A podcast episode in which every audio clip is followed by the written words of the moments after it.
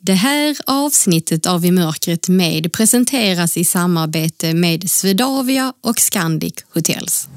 Välkommen till Svartklubben. Tack så mycket. Har du varit här förut? Nej, faktiskt inte. Men jag hänger ganska mycket här i närheten så jag borde väl besöka den. Nej, men eh, du är välkommen. Så ska vi ta gå in. Har, har du stängt av din mobil och sånt där? Nej, det har jag inte. Det ska jag ordna. Ja, det är en bra grej. Om du har något annat som du har som det lyser om sådär så. Men det är helt okej med en lysande aura eller sånt där. Men.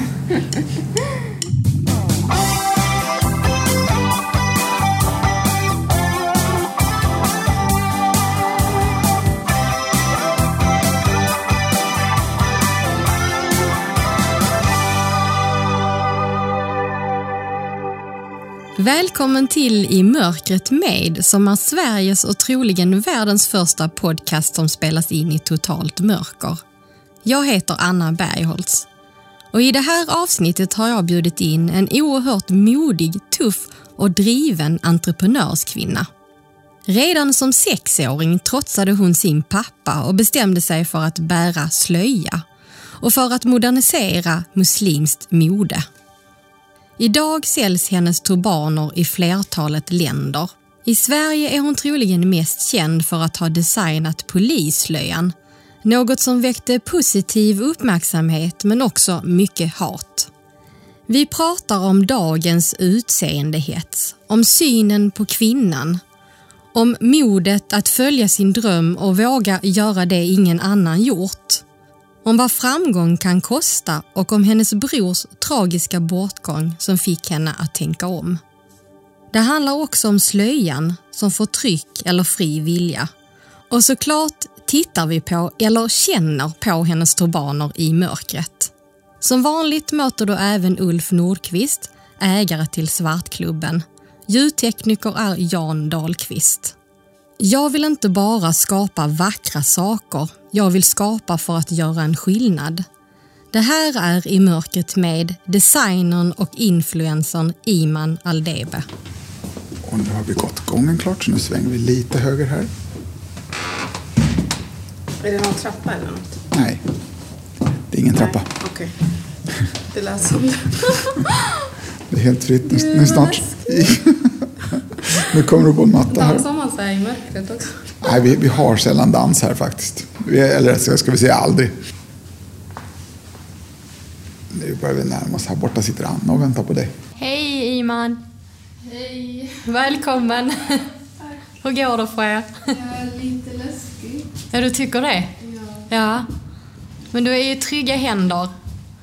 Det här är Ulfs och min vardag. Okej. Är jag framme nu? Mm, vet du vad? Eh, Du är framme vid ett bord. Okej. Men det blir ännu bättre om du sitter på en stol, tänker jag. Okej. Så. Bekvämare framförallt. Okej. Är det något bord här? Ja, det är ett bord där. Bordet är framför dig där. Ja. Och sen framför dig här, oh, förlåt, Ingen fara. så har du en mikrofon. Du borde känna vad den är så att du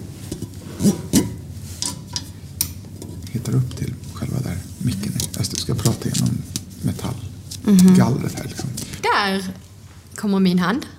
Så se. Oh my god. Här nere. Ja, Där så. ja. Hej. Hej! Hur känns det? Ja, det är spännande. Vi får se hur det går. Jag är jätteglad att du eh, kunde komma hit idag. Ja, jag också. Ja, Det lät spännande. ja härligt. Ja.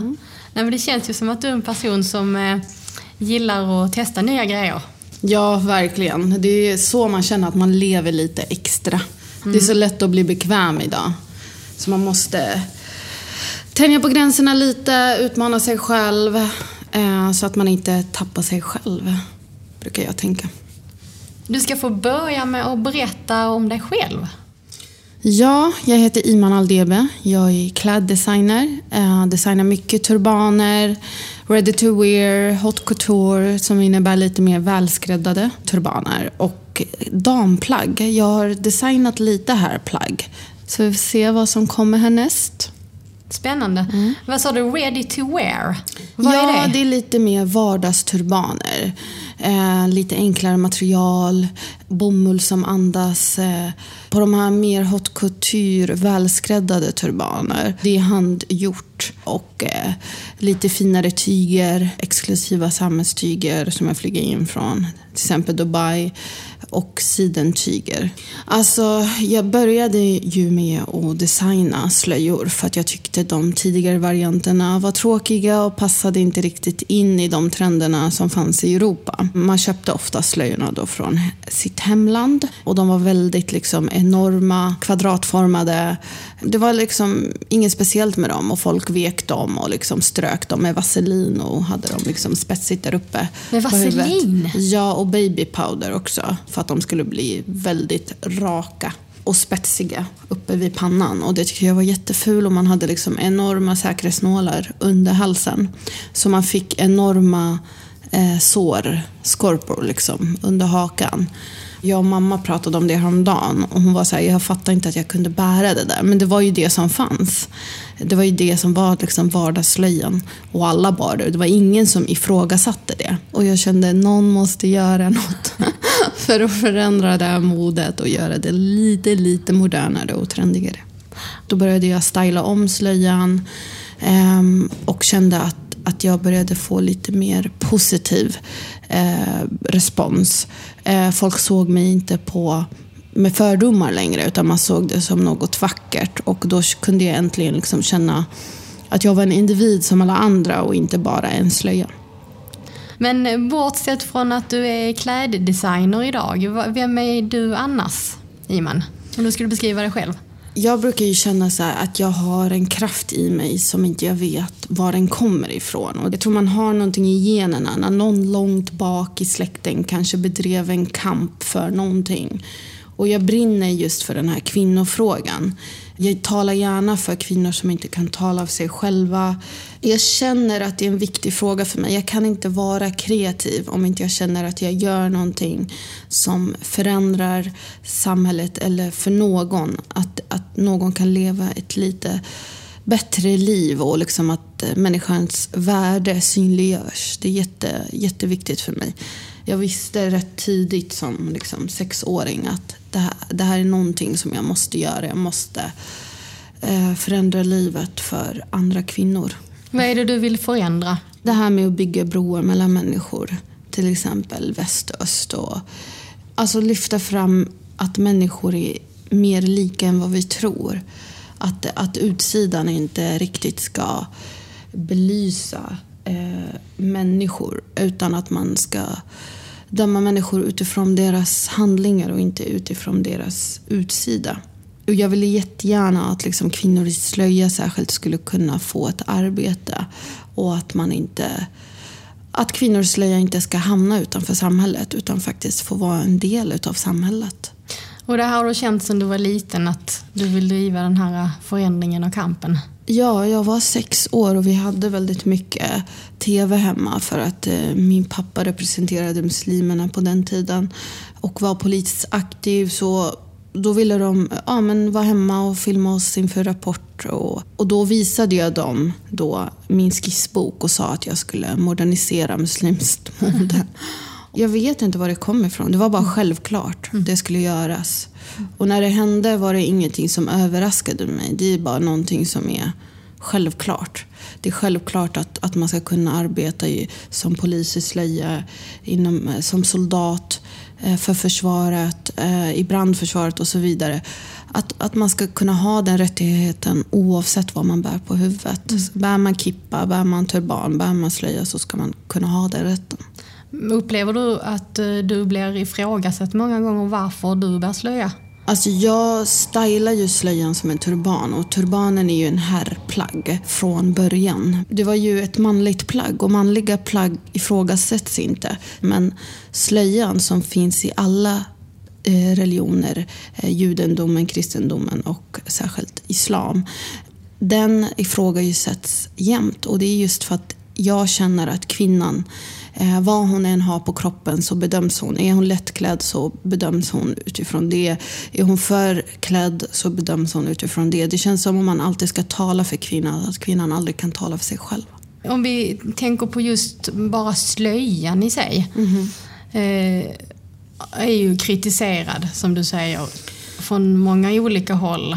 Ja, det är just för att vi har ju två länder, Iran och Saudiarabien Afghanistan också, där man måste bära slöja.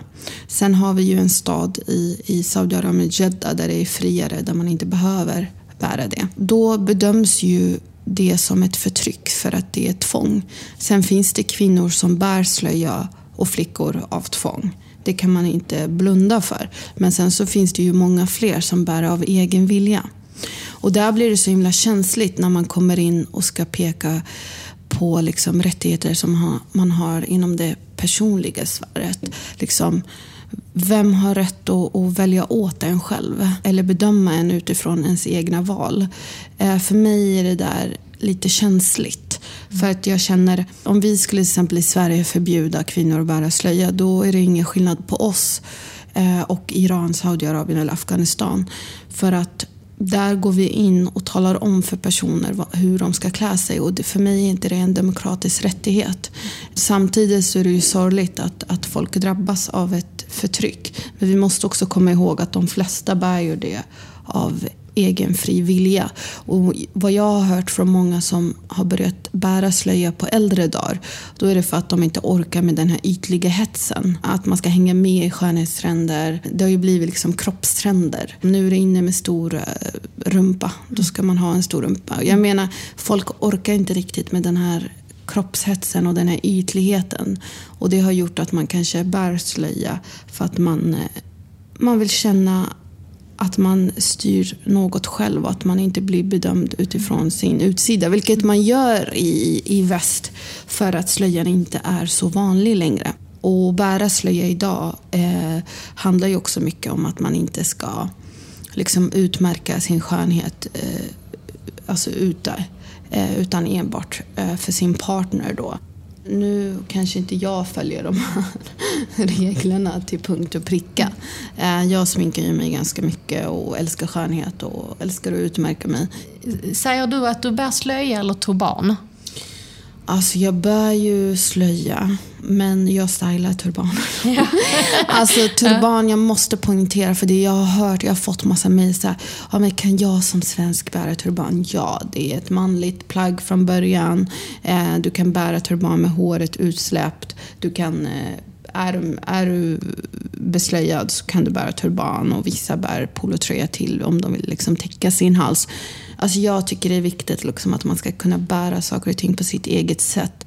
Sen har vi ju sett mycket ute på nätet att, att, att folk är så här, nej du får inte låna någonting från min kultur eller sånt för då, då är det fel. Men för mig, alltså när jag känner så här, att, att man ska knyta, alltså man, att man ska kunna bygga broar mellan olika länder och religioner och kulturer så tycker jag att det är okej. Så länge det inte är någonting som, som kränker djupt. Men att, att låna influenser från andra eh, religioner och kulturer tycker jag är en rättighet idag om vi ska komma någon vart med integration och mångfaldsfrågor. Och att det inte ska bli tacky utan att det ska bli någonting som, som hamnar på catwalken i Paris till exempel. Och att folk ja, men, tycker det är fint med, med andra eh, religioner och kulturer. Eh, för det är bara så vi, vi växer som människor idag och blir lite mer världsliga och inte känner att ja, men vi är rätt och de är fel. Det är så lätt idag mm. att man hamnar i sina egna grupper som är lika en själv och att man inte riktigt går till den här udda baren och lär känna nya människor. Mm. Eller man väljer det trygga före det otrygga. Det känns som man tycker det otrygga är otäckt. Man är rädd för det man inte känner till, det okända. Jag känner ju på äldre dagar att man blir lite bekväm och det är därför jag gillar att utmana mig själv. Det är därför jag sitter i det här mörkret idag och pratar med någon som jag aldrig har sett och inte ser just nu. Nej. Eh, men jag tycker det är viktigt att utmana sig själv för att man växer som människa. Eh, jag tror att vi ska få in lite äta och dricka. Wow. Ska vi fortsätta samtalet. Och jag vet mm. ju att du är laktosintolerant. så jag fick ändra lite. Jag hade varit och köpt choklad och så oh, läste jag på förpackningen. Men det kan mm. du inte mm. äta va? Nej, jag, Nej. Brukar, jag brukar smyga ibland faktiskt. Men jag tänkte jag vill inte ge dig här och så går du härifrån och så blir du sjuk kanske. Det är inte så bra. Så det kommer lite annat här som jag är säker på ska funka. Jajamän. Ja. Får du framför dig här om du kan du ta. Står det framför dig en, en eh, förpackning. Vad är det för något? Jag kan den. Jag öppna det? Ja. Jag den. Vadå, kan jag ta in min hand i den? Ja. Det är ätbart, jag lovar. Vad är det för något? Ja, det tänkte jag att du Jag skulle gissa. vet, jag vet. Det är torkad banan. Ja, det är Vad det. nyttigt. jag, jag byter, jag vill ha Det, choklad. det kommer det kommer något mer nyttigt här bred- bredvid här.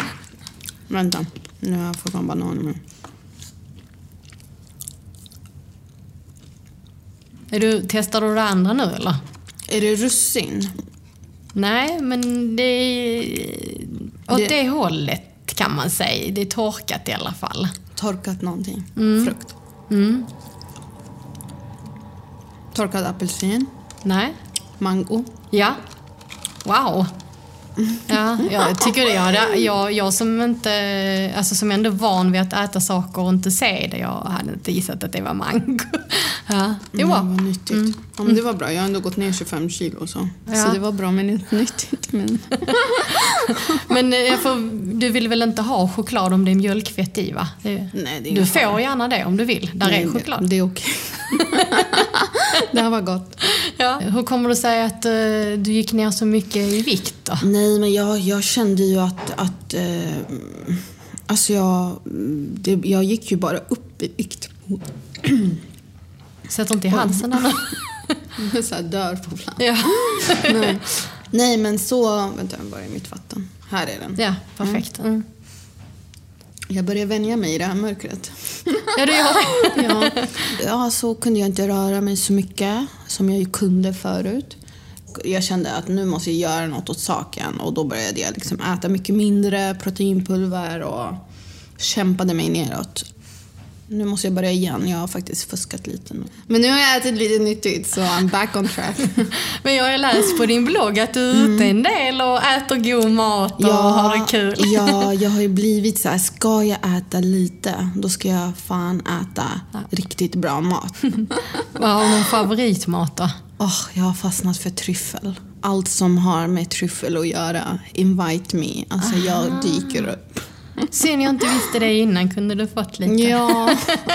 Så får du torkad banan och mango. Det är dåligt. Nej, men det var, det var nyttigt. Det var.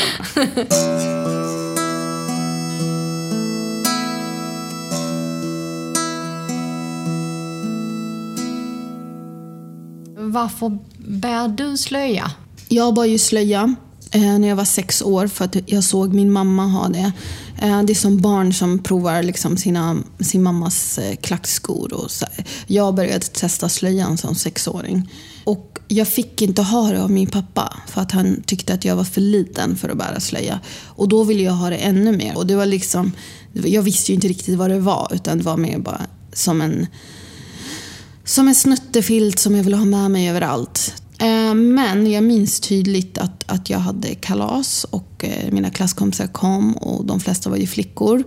Och så dök det upp en, en pojke då och då, då, såg han då såg han mina två flätor som jag hade gjort lite fint i kalaset och jag eh, blev ju helt skärrad och grät sönder mig för att han hade sett mitt hår. Och jag tar upp min klänning så han fick se mina trosor men han fick inte se mitt hår. För det var så viktigt att liksom dölja mitt hår. Jag förstod ju inte vad det handlade om och min pappa var ju så här, nu skärper du dig, nu sitter du här utan slöja. Och jag tyckte att han var så elak som lät den här pojken se mitt hår. Och sen så släppte jag den aldrig. Och det var ju liksom en rebellisk handling för att jag inte fick bära den. Än idag så kan jag inte säga liksom varför jag bär det. Alltså det har ju blivit en del av mig. Det är som folk som har så en punkarfrilla. Och sen samtidigt för att jag känner att att det är så många som blir bedömda utifrån slöjan och att jag gärna vill hjälpa dem att eh, synliggöra dem som individer och, liksom, och inte bara att folk bara ser dem som slöjor. Men det var ganska uppmärksammat när du fick designa slöja till polisen. Ja, verkligen. Det är, det är bara en kvinna idag som, som bär slöja i poliskåren. Och det var sån stor storm. Det var jättemånga fördomsfulla människor som var så här. Ja, jag kan inte tänka mig att stöta på en polis i slöja. Jag skulle aldrig vilja att ha någonting med den personen att göra. Men det var lite som om... Alltså, den bilden man har av en förtryckt av en, en muslimsk kvinna är ju att hon är förtryckt och, och vill vara utanför samhället. Eh, men att se en kvinna med pondus och skinn på näsan och, och vara polis och bära slöja. Ja. Det är liksom det ändrade lite den bilden och då ville man hålla kvar vid den bilden. Och det var så komiskt att se att oavsett vad man än gör, är man väldigt aktiv i samhället och bär slöja, så är man ändå förtryckt i andra människors ögon.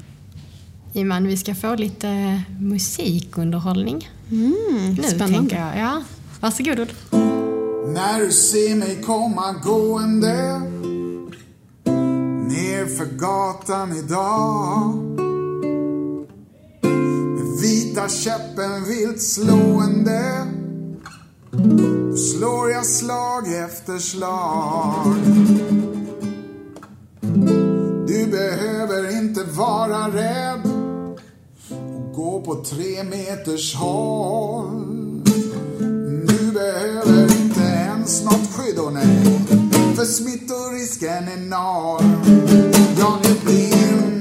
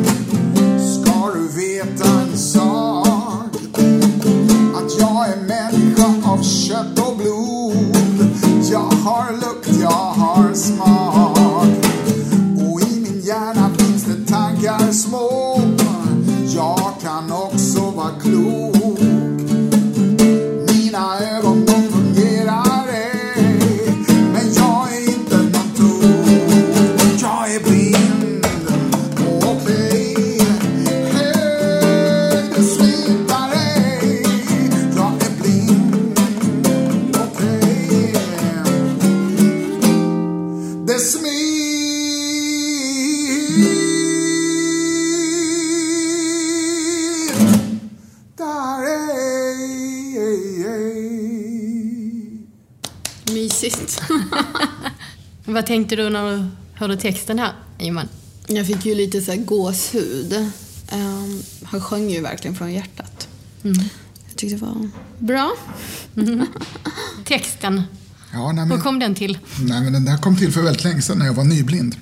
Kände att det fanns också liksom ett ut, utanförskap i att, att vara blind, att, att, att vara på något sätt annorlunda mot gängse norm. Och då kände jag att det borde finnas en låt som heter Jag är blind, okej, okay, det smittar i ett. Liksom, det är inget farligt med mig, jag är en människa jag också, även om jag inte ser. Nej, men där kan vi nog ha lite gemensamt det här med, för när vi kommer, alltså tänker både du och jag Ulf och mm. Iman, när vi rör oss ute på gator och sånt så är det ju någonting som bryter norm när vi kommer med våra vita käppar mm. och, och, du som har mm. slöja. Mm. Och det blir ju att man blir bemött konstigt ibland. Men det är därför det är viktigt att träffa människor som är olika en själv. För att kunna ändå försöka sätta sig i den personens skor. Och liksom, alltså att man delar med sig av sina egna upplevelser och erfarenheter och, och att man tar till sig av hur andra människor lever också.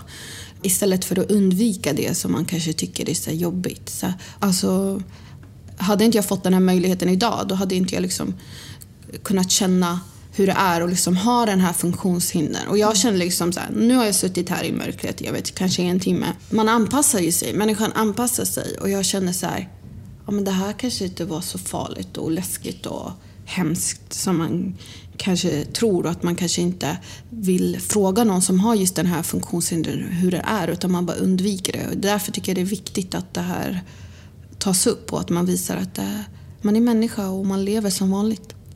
Ja, det är ju hela poängen med Svartklubben med, eller hur Ulf? Ja. ja men det är ju viktigt att mötas. Mm. Verkligen. Ju, och livet blir ju mer intressant om man inte möter samma typ av människor hela tiden. Mm. Du kunde inte ha sagt det bättre. Vi lämnar i mörkret med för en stund för att möta vår samarbetspartner Svedavia. Och idag ska vi få lite tips inför resan när du får ledsagning. Swedavia är det statligt ägda flygplatsbolaget eh, och vi eh, äger och driver tio stycken flygplatser. Maria Akrén heter jag och är en av tre teamchefer för ledsagning här på Arlanda. Det är en generell trend att människor reser med mer och mer handbagage. Och det kan vara en utmaning när man ska använda rullstol. För att den som kör rullstolen åt dig behöver kunna använda bägge sina händer. Vilket betyder att man inte kan bära eller dra handbagaget. Utan handbagaget får ligga i knät på resenären. Och eh, då är det bra att man har tänkt till lite kring sitt handbagage så att det inte väger så mycket så att det blir obekvämt att ha i knät. Ehm, och framförallt så är det ju så att eh, bryggan ner till flygplanet lutar ju och då måste man kunna hålla med bägge händer. Och ehm, då är det, då är det inte möjligt att hålla i handbagaget med ena handen. Så det är bra att tänka lite kring eh, att man har med sig en rimlig mängd handbagage. Såklart får man ju ha sina mediciner i handbagaget, det är inga konstigheter.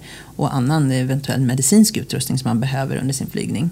En annan sak när det gäller bagage förresten, det är ju att man har märkt ut sina väskor. Så att när vi ska hjälpa till att plocka av bagaget från bagagebandet så är det ju väldigt mycket enklare om den eh, syns på långt håll. Och det är väldigt många människor som har likadana väskor.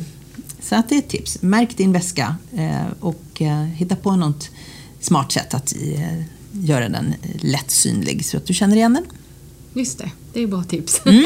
ja, specie speciellt när man har ledsagning och inte ser och inte kan peka ut. Ja, precis. Vissa flygbolag sätter på en, en speciell etikett på väskan men, men många gör inte det. Har du några mer tips Maria? Nej, men att våga, våga testa att resa det funkar bättre än vad man kanske tror. För att det, det finns en vana på våra flygplatser runt om i, Europa och i hela västvärlden att, att hjälpa resenärer med funktionsnedsättning. Och, eh, vi utbildar våra, vår personal att vara lyhörd för olika typer av behov och, och kunna anpassa sig till det eh, enskilda resenären behöver. Så att eh, allting går. Det är bara en fråga om lite förberedelser. Hur var din uppväxt?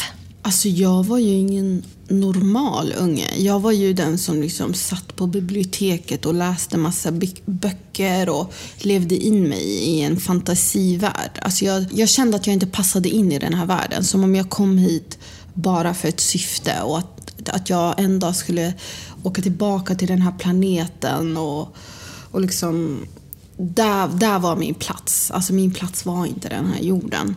Jag hade ju massa kompisar och allt det där, det var ju inte det. Och jag var liksom populär att sitta bredvid för jag kunde allt för att jag älskade att läsa och liksom var duktig i skolan. Men eh, jag har alltid känt mig lite udda.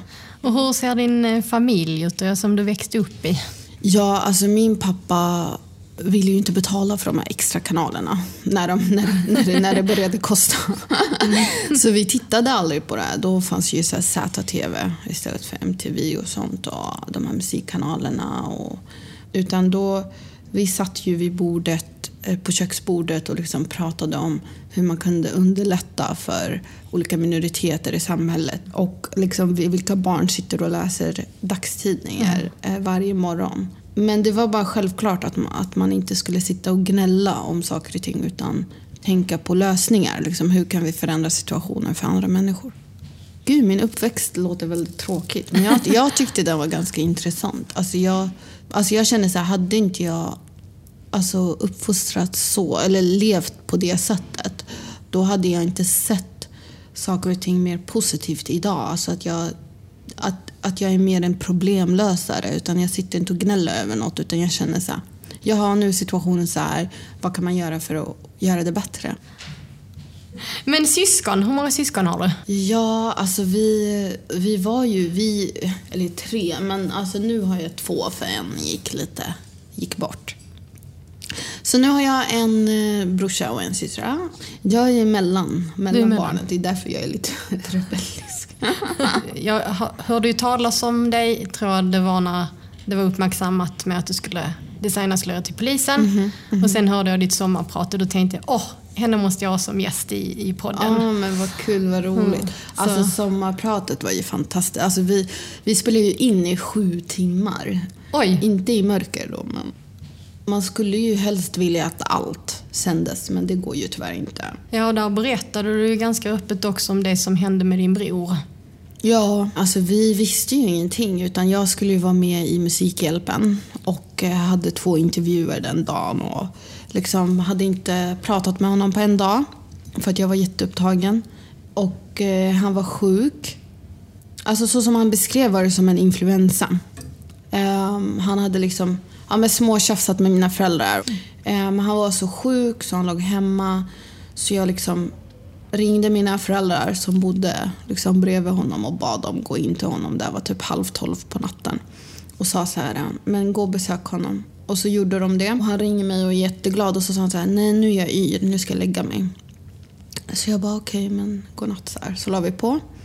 Och sen hade han enligt så här, eh, rapporterna då gått bort. Alltså efter vårt samtal hade han gått bort. Det är helt sjukt. Alltså, alltså ganska direkt efter att ni hade ja, sagt hej då? Ja. Då hade de här blodkärlen liksom... Eh, vad var det som var? Liksom att de typ... Vad blir det? Som en propp eller något. Och sen så kommer vatten upp i lungorna. Och så liksom drunknar han typ i sig själv. Han dog i sömnen liksom, så han däckar och dör. Mm. Utan att han känner av någonting. Mm. Som 27-åring och liksom lämnar en fyraåring. Det sjuka var ju att han hade ju drömt om det här en månad innan. Så detaljerat har jag inte gått in på sommarpratet. Men Nej. han ser sig själv uppifrån, tittar ner på sin dotter som är stor och sitter i en buss. Det här hade han han hade sagt till en person, han hade inte sagt det till någon. Så han började förbereda sig. Typ, jag kommer gå bort. Han stängde alla sina skulder. Han ringde varenda människa som han någonsin hade bråkat med i hela sitt liv. Du kan ju tänka dig, det är klart man har småtjafsat med människor i sitt mm. liv. Eh, och bad om förlåtelse och bad dem förlåta honom. Och de som inte ville förlåta honom grät som mest på hans begravning. Det var viktigt att jag skulle möta upp honom en dag och jag hade jättemycket att göra. Jag hade en deadline på en kollektion och jag mötte upp honom och han kastar från tåget ett paket till mig. Och sen så eh, var det ett halsband och så skrek han från tåget så här. Lägg min dotters bild i den här. Det var som en berlock liksom, ja. som man lägger in bilder i. Och jag tänkte så här, vad har hänt med honom? Har han blivit galen eller så här. Och så tänkte inte jag mer på det här. Men nu så tar jag oftast inte av mig den här halsbandet. Jag har inte hunnit lägga i någon bild. Mm. Bara för att jag tycker det, det hela är så jobbigt. Liksom. Men nu förstår jag ju att han, att han visste. Mm. Ja, det var, det var en jobbig upplevelse. Ja. Men mm. hur har det förändrat dig? Jag hamnade ju i chock. Alltså hela första året var jag ju chockad. Alltså jag gav ju bort alla mina saker. För det var så himla sjukt. Så här, efter att han gick bort så var det folk som bara alltså, tog typ hans saker och var så här, Åh, det här går att sälja, det här är det här märket och det här. Och jag var så här, det var som gamar på Alltså jag blev så äcklad av situationen. Så i, idag lever jag väldigt liksom minimalistiskt. Jag har inte så mycket saker för att jag vill inte att någon ska gräva efter mig när jag går bort. För att jag tycker att det är så, jag vet inte, det är så stötande på något sätt. Har du förändrat dig på något annat sätt? Jo, alltså har man en annan bakgrund så blir man liksom oftast uppfostrad till att bry sig om andra människors åsikter. Det är inte så mycket religion, utan det är mer så här, ja, vad folk tycker. Alltså det, det, det är så man uppfostras om man kommer från till exempel Mellanöstern. Att man lägger så mycket värde i andras åsikter om en. Jag har alltid känt mig liksom kvävd och eh, känt att, att, att det är någonting som lås, alltså att jag känner mig låst och att det är något som liksom håller fast mig. Och då förstod jag att det var ju det här att jag alltid har brytt mig om andras människors åsikter om mig. Eh, och det släppte och det var första gången jag började känna mig fri. Och sen började jag känna liksom att man inte bara ska jobba. Att det är okej att uppleva lite mer av världen, resa, ha lite kul, boka in den där middagen med vännerna. Uh, och jag, jag känner att jag lever lite mer idag. Och jag har lagt mer värde i att leva och vara mer närvarande. Och sen att jag, jag ringer mer mina kompisar. Jag följer inte bara dem på social media och likar en bild. Utan jag ringer faktiskt upp dem eller skickar det där smset. Hur mår du? Ja. Men jag kände så att livet är kort och att man ska leva så kärleksfullt som möjligt och, och verkligen alltså lämna den här jorden med att man har gjort gott. Och det var så många människor som kom på begravningen och sa så här, det här hjälpte han mig med och det har han gjort. Och, så här. och jag kände, det är ju bara det man lämnar efter sig. Det är liksom sina efterlevande. Och vad för gott man har gjort för andra människor, mm. djuren, naturen och så vidare. Och det, för mig är det där det viktigaste i livet. Jag har ju med mig turbaner. Ja, vi tittar på det tycker jag. Titta, jag hittar själv nu ja. i mörkret. Nu börjar du bli alltså jag, jag, rutinerad. Jag, blev, jag var lite rädd i början. Jag var så här, vad händer? Vart är jag på väg? Eh, vad har jag sagt ja till? Men nu så känns det helt okej. Nu har jag lagt fram lite turbaner hos dig i olika material. De är ju ganska små. De, de här de är, det, det är ju stretchmaterial så ja. de kan stretcha ut sig väldigt mycket. Men alla tre är ready to wear. Um, vilket innebär att det är lite mer vardagsturbaner mm. men lite vardagsfin också. Och här var sammet, det är ju väldigt poppis nu. Det är jättetrendigt just nu. Ja. Um, jag har en sammetskostym ja. Åh, oh, vad kul. Mm, ja. uh, vilken färg har du den i? Svart såklart som alla andra. Ja, den du har framför dig är blå. Fint. Och eh, ena turbanen är röd med lite så här kreppmaterial. Och den ena är guldig, lite festlig. När du säger turban, och jag har ju inte sett mm -hmm. dina kreationer tidigare, jag har bara mm. hört att de är jättefina tuffa mm. och så. Oh, vad roligt. Så, eh, och då tänker jag liksom, som när jag själv har sett turban en gång i tiden, att det var väldigt, väldigt mycket tyg. Det här är ju lite mera tyg på sidorna och sen ser det nästan ut som en, ja lite, inte basker blir ju fel, men en liten eh, kortare mössvariant, typ. Vad kan man säga? Ja, det är många som säger så här, att det är en roligare variant än en mössa. Att det är liksom, för jag har ju lite varmare turbaner också. Eh, just de här modellerna är lite mer våriga. Men är det de här du bär själv? Jag brukar ju oftast bära haute couture-turbaner. Eh, mycket sidentyg. Eh, för jag älskar glansen och, och materialet. Älskar enfärgade. Men när jag designar för andra då är det mycket färg och mönster. Och ja, jag har ju mina turbaner på Hattbaren på Söder och på NK. Men när jag säljer via webben, happyturbans.com, då kan jag ju se att alltså, första, första gångs kunden väljer alltid svart och liksom en simpel turban. Mm. Sen när den återvänder så blir det lite mer färg och sen blir det lite mer mönster. Så man, man trevar sig fram och liksom eh, vågar sig på lite mer och Aha. mer. Um, lite baby steps är det. För jag tänker just i Sverige. Eh, mm. Eh, alltså, jag skulle ju gärna kunna tänka mig som sagt en sammetskostym i någon färg. Men uh. det är inte lätt att hitta färg i affärerna överhuvudtaget. Ja, alltså vi i Sverige gillar ju mer så nertonat eh, mode. Vi ska inte synas för mycket.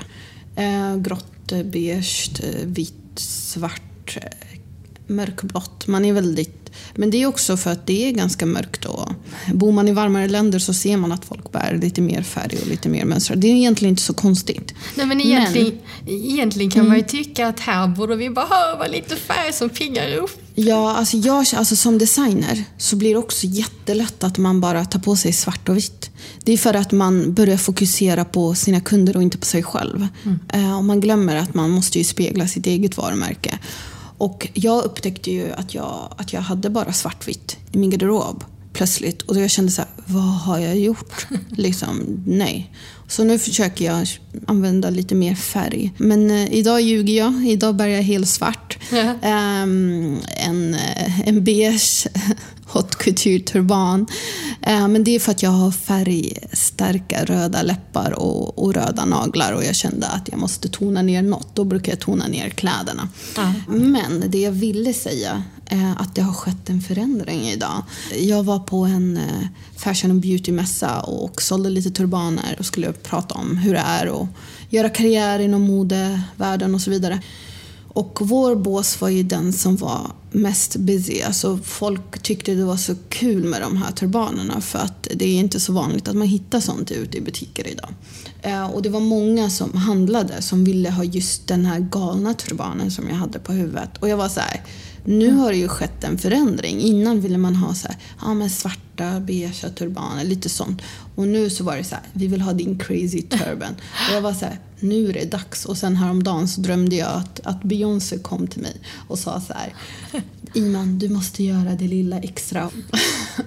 och nu tänker jag så här, det kanske är dags för det där lilla extra Ja. nu, 2018. För nu finns ju dina turbaner i, i Stockholm och eh, Dubai, Paris, New York. Yes. Du nämnde i sommarpratet också att du ville försöka ta dig in i Iran. Verkligen. Alltså jag brinner ju för att göra skillnad. Jag vill ju inte bara skapa vackra saker utan jag vill skapa för att jag vill göra en skillnad. Och jag ändrade ju ehm, gulfmodet. De traditionella gulfkläderna, när vi säger Arabemiraten, Saudiarabien, Qatar, Kuwait, eh, Bahrain. Så männen bär vitt och kvinnorna svart. Och det har de gjort i generationer. Och vi har sett att modehus har försökt förändra plaggen där eh, genom att ja, ändra materialet till ett mer exklusivt plagg och så, och så vidare. Vi har sett till exempel Dolce Gabbana, eh, Hermes och så vidare. Men det är ingen som har ändrat på formen. Och jag kände så här, nu var det dags att ta in lite mer genustänk, lite mer jämställdhetstankar. Tankar. och då gjorde jag hela kollektionen i vitt. Hur togs det emot då? det togs emot jättebra. Jag, Ja. jag, folk är så rädda för att bana vägen för något nytt. Och om vi bara tittar på när kvinnor började bära byxor i Frankrike. De blev ju liksom bespottade. Det var ju det hemskaste som någonsin kunde ske. Men någon var ju tvungen att bana vägen för något som är så självklart idag. Liksom, jag älskar att bära jeans. Alltså jag, jag skulle kunna ha det på mitt eget bröllop. Ja. Men är Ehm, du aldrig rädd jag- att bana väg? Alltså jag, jo, alltså jag kan säga det är en sak som jag vill göra som jag vet kan, kan vara lite dåligt. Men det här med till exempel att Isis har, har tagit sig an den, alltså liksom den här muslimska flaggan som är grön. Det står bara det finns ingen gud förutom en gud. Och de har gjort om den eh, från grön till svart eh, och tagit den som sin egen. Och nu har det blivit en symbol som alla tror är förknippade med islam. Eh, Men det är ju en terrorgrupp som vill sprida skräck. Liksom. De förstör ju för själva religionen. Alla religioner är ju byggda på att, att, liksom, att man ska ja, men inte icke döda och så vidare. Sen såklart så är ju texterna väldigt gamla.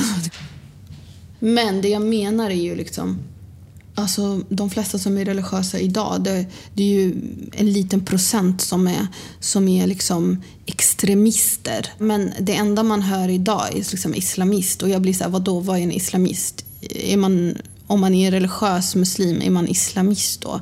Det finns ju inget som heter kristianist eller judanist. Ja, men förstår du? Alltså, Det är ju bara muslimer som har det där ordet islamist. Då tänkte jag så att jag skulle anamma mig den flaggan och ta tillbaka den. Liksom, och typ göra blommor och sånt.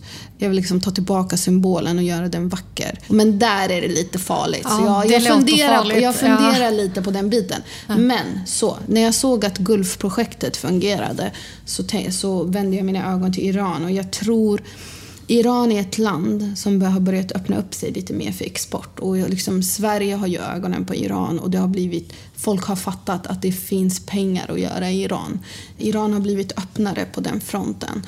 Och man ser att det är dags att de här traditionella plaggen för kvinnorna i Iran, att, att någon gör en förändring. Och det är där jag tror att kommer man från det landet så kanske man inte riktigt vågar. Ehm, stora modehus som inte har den kunskapen om religiösa muslimska kläder kanske inte heller har den kunskapen. Och istället för att anlita en konsult så vågar de inte riktigt.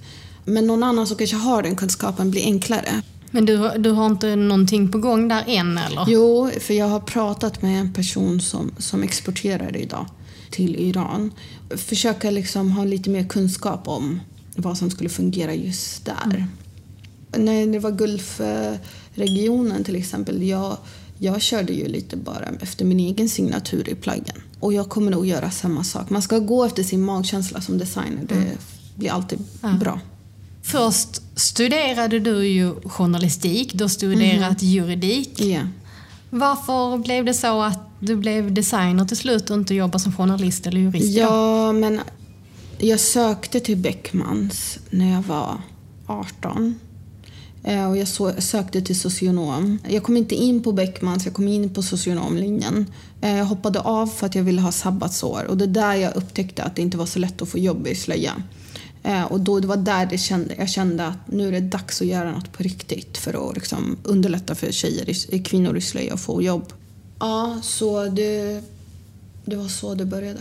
Men sen har du läst journalistik och juridik också? Ja, ja och då ville jag jobba för TV. Och då, då eh, hade min pappa kontakt med någon TV-kanal. Och då sa de så här, du är jättevälkommen men inte med religiösa symboler. För religiösa symboler är inte tillåtna i TV-rutan utan du får, då får du jobba bakom kameran. Och sen har jag alltid brunnit för juridiken. Så jag sökte till det och så pluggade jag det. Samtidigt började jag ju driva den här firman. Så jag gjorde ju både och.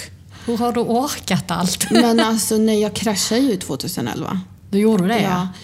Jag ehm, eh, sydde min första riktiga kollektion och den fick väldigt mycket uppmärksamhet. Samtidigt ville jag så här, eh, förändra världen genom politik, så jag var polisengagerad.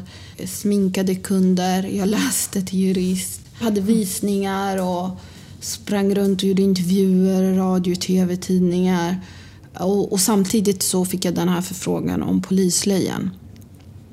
Och jag fick så mycket hat. Jag fick så mycket positiv respons som såklart. Men, men det här hatet var ju så tungt. Men jag hamnade i kläm mellan muslimer som inte ville ha en förändring. Eh, som trodde att jag ville ändra på islam. Och sen så fick jag mycket hatmejl från nationalister för att jag blev uthängd eh, på nationalistiska sajter. Massa kommentarer om hur jag skulle liksom råka halka på balkongen och dö. Att de skulle se till att det var...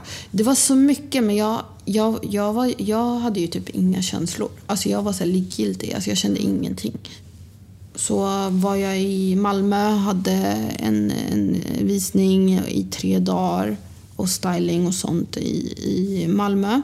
Så jag åker upp helt sliten direkt till Uppsala där jag skulle ha en annan visning. Jag står på scen inför så TV eh, och jag känner att jag håller på att ramla av scenen.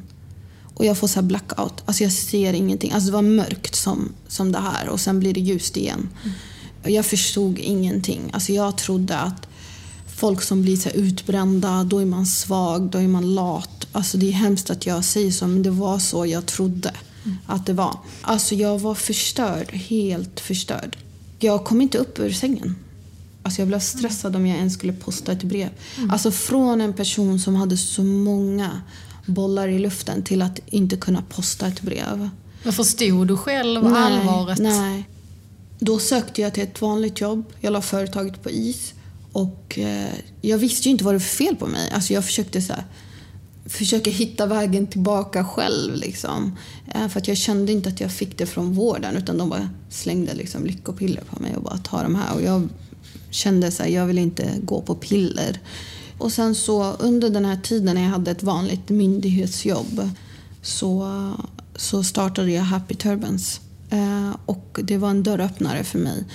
Jag var ute på Youtube och kollade liksom så här, hur man lyckas eh, med sin affärsidé på riktigt. Och då var det liksom att man skulle nischa sig. Alltså ju mer nischad du är, desto bättre är det.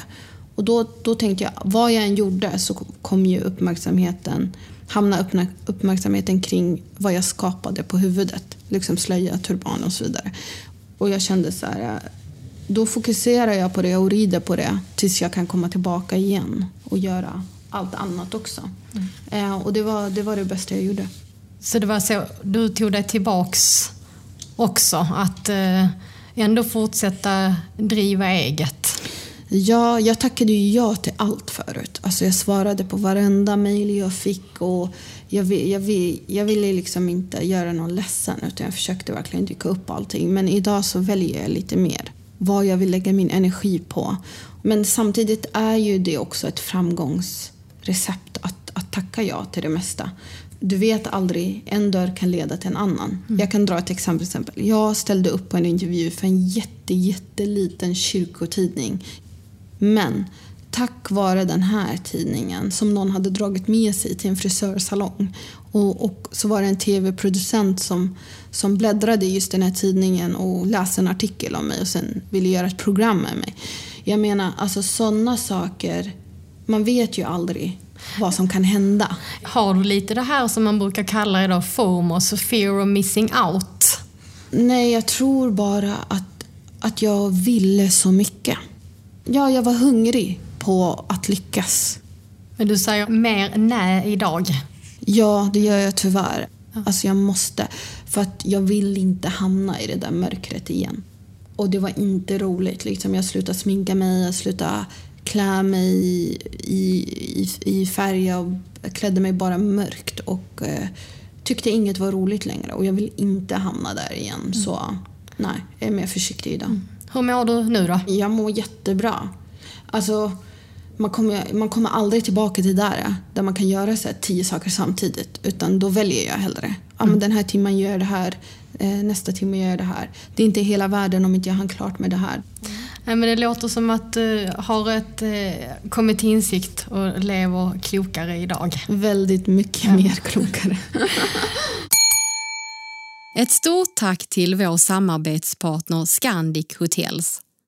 Hotellkedjan med allergianpassad frukost, rullstolar på alla hotell och nu även promenadskotrar på utvalda hotell. Scandic Hotels är hotellkedjan som vill att alla ska känna sig välkomna oavsett funktion. Vi ska börja avsluta Iman och vi, vi är ju jätteglada att du har sagt ja till att komma hit. Mm. Och vi ska avsluta med lite snabbfrågor. Ja, vad kul. Te eller kaffe? Kaffe. Chips eller smågodis? Åh, oh, chips. Teater eller konsert? Mm, konsert. Hemmakväll eller utekväll? Hemmakväll. Mm. Och ändå och så läser jag på din blogg att du är ute ganska mycket. men jag, alltså jag är nog en hemmatjej. Men jag gillar att vara ute ibland också. Vad eh, gör du en hemmakväll då? Chips, popcorn, eh, vattenpipa ibland, middag. Jag tycker det är mysigt att ha så middagsbjudningar. Så ja, filmkvällar. Mm. Låter bra. Mm. Mm. Lyssna på musik eller musicera själv? Oj, lyssna på musik. Jag vet om min röst är så himla vacker. Nej, har du musicerat någon gång eller spelat instrument? Nej. Nej, verkligen inte. Jag försökte spela gitarr, det gick åt helvete. Stuga på landet eller globetrotter, alltså resa runt? Åh, oh, resa runt. Verkligen. Alltså jag blir mer kreativ i mitt arbete när jag upplever andra länder. Jag blir inspirerad av andra människor. Och det syns genom mitt skapande sen. TV-program då? Idol eller Debatt? Åh, men sluta. Jag gillar ju både och. Fan vad svårt. Ja, men Idol i början när folk så här... Äh. När det är audition? Mm, audition. Det är så kul, men sen blir det bara tråkigt. Kött eller vegetariskt? Alltså vet du, jag har en kompis som är vegan och jag har börjat gilla vegansk mat. Alltså det trodde jag aldrig. Jag, jag är uppvuxen med att min pappa också hade en köttfirma så vi åt kött frukost, lunch och middag. Alltså, men nu Alltså, folk har ju blivit bättre på att laga vegetariskt och, eller veganskt också. Och det har blivit så sjukt mycket godare än vad jag någonsin har trott. Jag är lite inne på det där nu faktiskt. Vem trodde det? Umgås de med barn eller vuxna? Um, det beror på. Mina syskonbarn är ju mina älsklingar. De umgås jag gärna med, men kanske inte andra. Ja, vad, vad taskigt det lät. Nej, men hellre vuxna då. Att möta nya människor eller gamla vännerna? Jag älskar att träffa nya människor. Men jag har ju en balans där. Jag gör ju både och. Laga mat eller äta mat? Äta mat. Alltså jag älskar att äta nytt varje dag. Typ. Läsa eller skriva? Skriva. Läser du också eller? Alltså jag köper mycket böcker men jag ljuger om jag säger att jag läser dem. Men jag gjorde det förut, fan jag ska bli bättre. Men skriva gillar du? Det är helst? Ja, det är lite som terapi tycker jag. Att man får säga, får skriva ner sina åsikter och tankar varje dag. Det tycker jag är bra. Och du bloggar ju, så du kan ju berätta för eh, folk som lyssnar, tänker jag, var man kan hitta din blogg. Ja, jag har en blogg som heter imanaldebe.se. Där skriver jag ganska mycket om speciellt de här nya restaurangerna som jag besöker och vad jag tycker om maten. Eh, fotoutställningar, eh, om mitt eget skapande, mina egna åsikter, tankar om livet. Eh, lite mer så lifestyle magazine. Men jag försöker liksom hitta saker och ting som jag tycker är nytt och spännande. Och så kan man ju följa dig där också såklart som designer. Jag ser att du har släppt en smyckeskollektion nu också va? Ja, ehm, jag kände att jag ville liksom med inspiration från eh, arabiska våren, liksom att, att det är så här, eh, ord som handlar om styrka, makt och eh, kärlek och fred. Eh, och jag vill liksom symbolisera de här orden genom mina smycken. Så jag har liksom sil silver och guldsmycken med just de här orden som ska empower yourself. Eh, med arabisk text faktiskt. För att särskilja dem. Eh, plus att jag tycker det är lite fint. Jag brukar alltid låta gästerna göra en sak innan de eh, lämnar Svartklubben och I mörkret med. Och det är att eh, skriva en liten autograf. Och det tänkte jag att du också skulle få göra såklart. Så du ska få en penna av mig här. Där har du en penna. Du låter så koncentrerad. Ja, jag försöker, försöker så ta tag i det här blocket eller vad det är. Där. Och sen har du pennan. Den här? Där har du eh, en, en liten bok. Okej. Och så känner du, här har du pennan. Där ja. Mm. Och så i, på, här på denna sidan, boken där, så är det ett litet game. På den sidan som gamet är kan du skriva. Jag känner inget game. Var är du någonstans? Jag ska se här. Jaha, ja, ja. Känner du där? ja, på den sidan det gamet sitter, så du inte Okej. skriver över någon annans. Nej. har du tagit ut spetsen nu? Eller det kanske jag redan Mhm. hade gjort? Ja, det har jag. Vad vackert det blev. Tror jag. Så. Det blir säkert jättebra. Det var fantastiskt roligt att ha det här och lycka till med ditt fortsatta arbete som är jätteviktigt och bra på alla sätt och vis, tycker jag. Åh, Tack så mycket. Ja. Tack för att vi fick vara här. Och känns det nu då? Alltså jag har vant mig. Det känns lite läskigt att komma ut i ljuset igen. Ja, det är också en förändring. Mm. Ja. Ja, vi ska få lite avslutningsmusik från Ulf och sen ska han hjälpa dig ut i ljuset också. Ut i en värld som någon som inte ser. Att komma ut som blind mitt ibland er. Att våga stå upp för mig själv om blott lite grann. Att omfamna det som jag är och allt som jag kan. Men världen är full utav hinder som håller tillbaks. Jag är inte du. Du är inte jag. Det är tilltufsat trasigt där livet gått fram. Men jag ämnar utan som blind. Modig att vara normal och onormal ibland. Att gå över gränsen där andra säger att jag inte kan. Jag låter dig omvärldens rädslor handikappa mig. Det handlar om värdighet har en stolthet som bor i mig.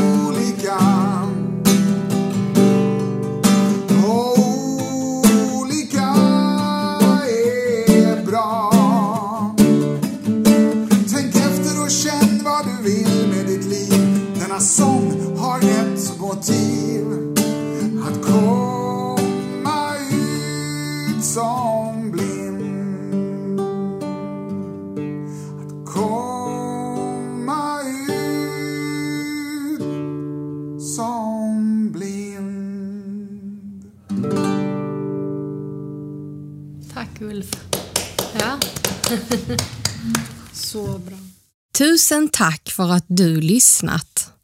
Vi vill gärna att så många som möjligt ska få veta att I mörkret med finns. Så hjälp oss gärna att sprida podden i dina kanaler. Betygsätt oss gärna på iTunes och följ och gilla oss på Facebook. Du får jättegärna också höra av dig till oss om du har förslag på gäster som du vill höra i mörkret. Vi har e-post hej imokretmed.se i och en hemsida www.imokretmed.se. Vi hörs igen om två veckor.